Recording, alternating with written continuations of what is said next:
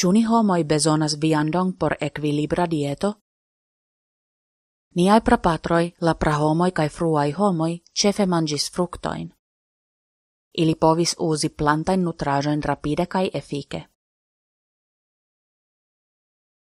Ia foje ili mangis ancau viandon. Gi estis same digestebla por ili kiel plantoi.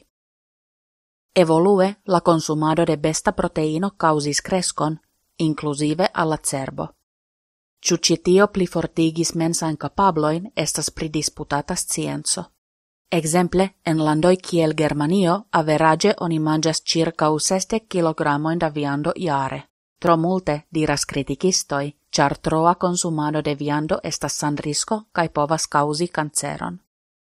Aldone, viando shainas esti nutre nepra, gien havas proteinoin, mineraloin, kiel feron kai zinkon, kai multe da seleno kai vitamino B. Socioi de nutrado recomendas che oni mangiu maximume 600 gramoin da viando semaine. Tiel la corpo ricevas ancau la gravan cobalaminon, bodek-du, kiun per vianda consumo la homoi facile akiras. Tiui, kiui sekvas veganan dieton, devas aldoni al gi vitaminon bodekdu por preventi mankain symptomoin.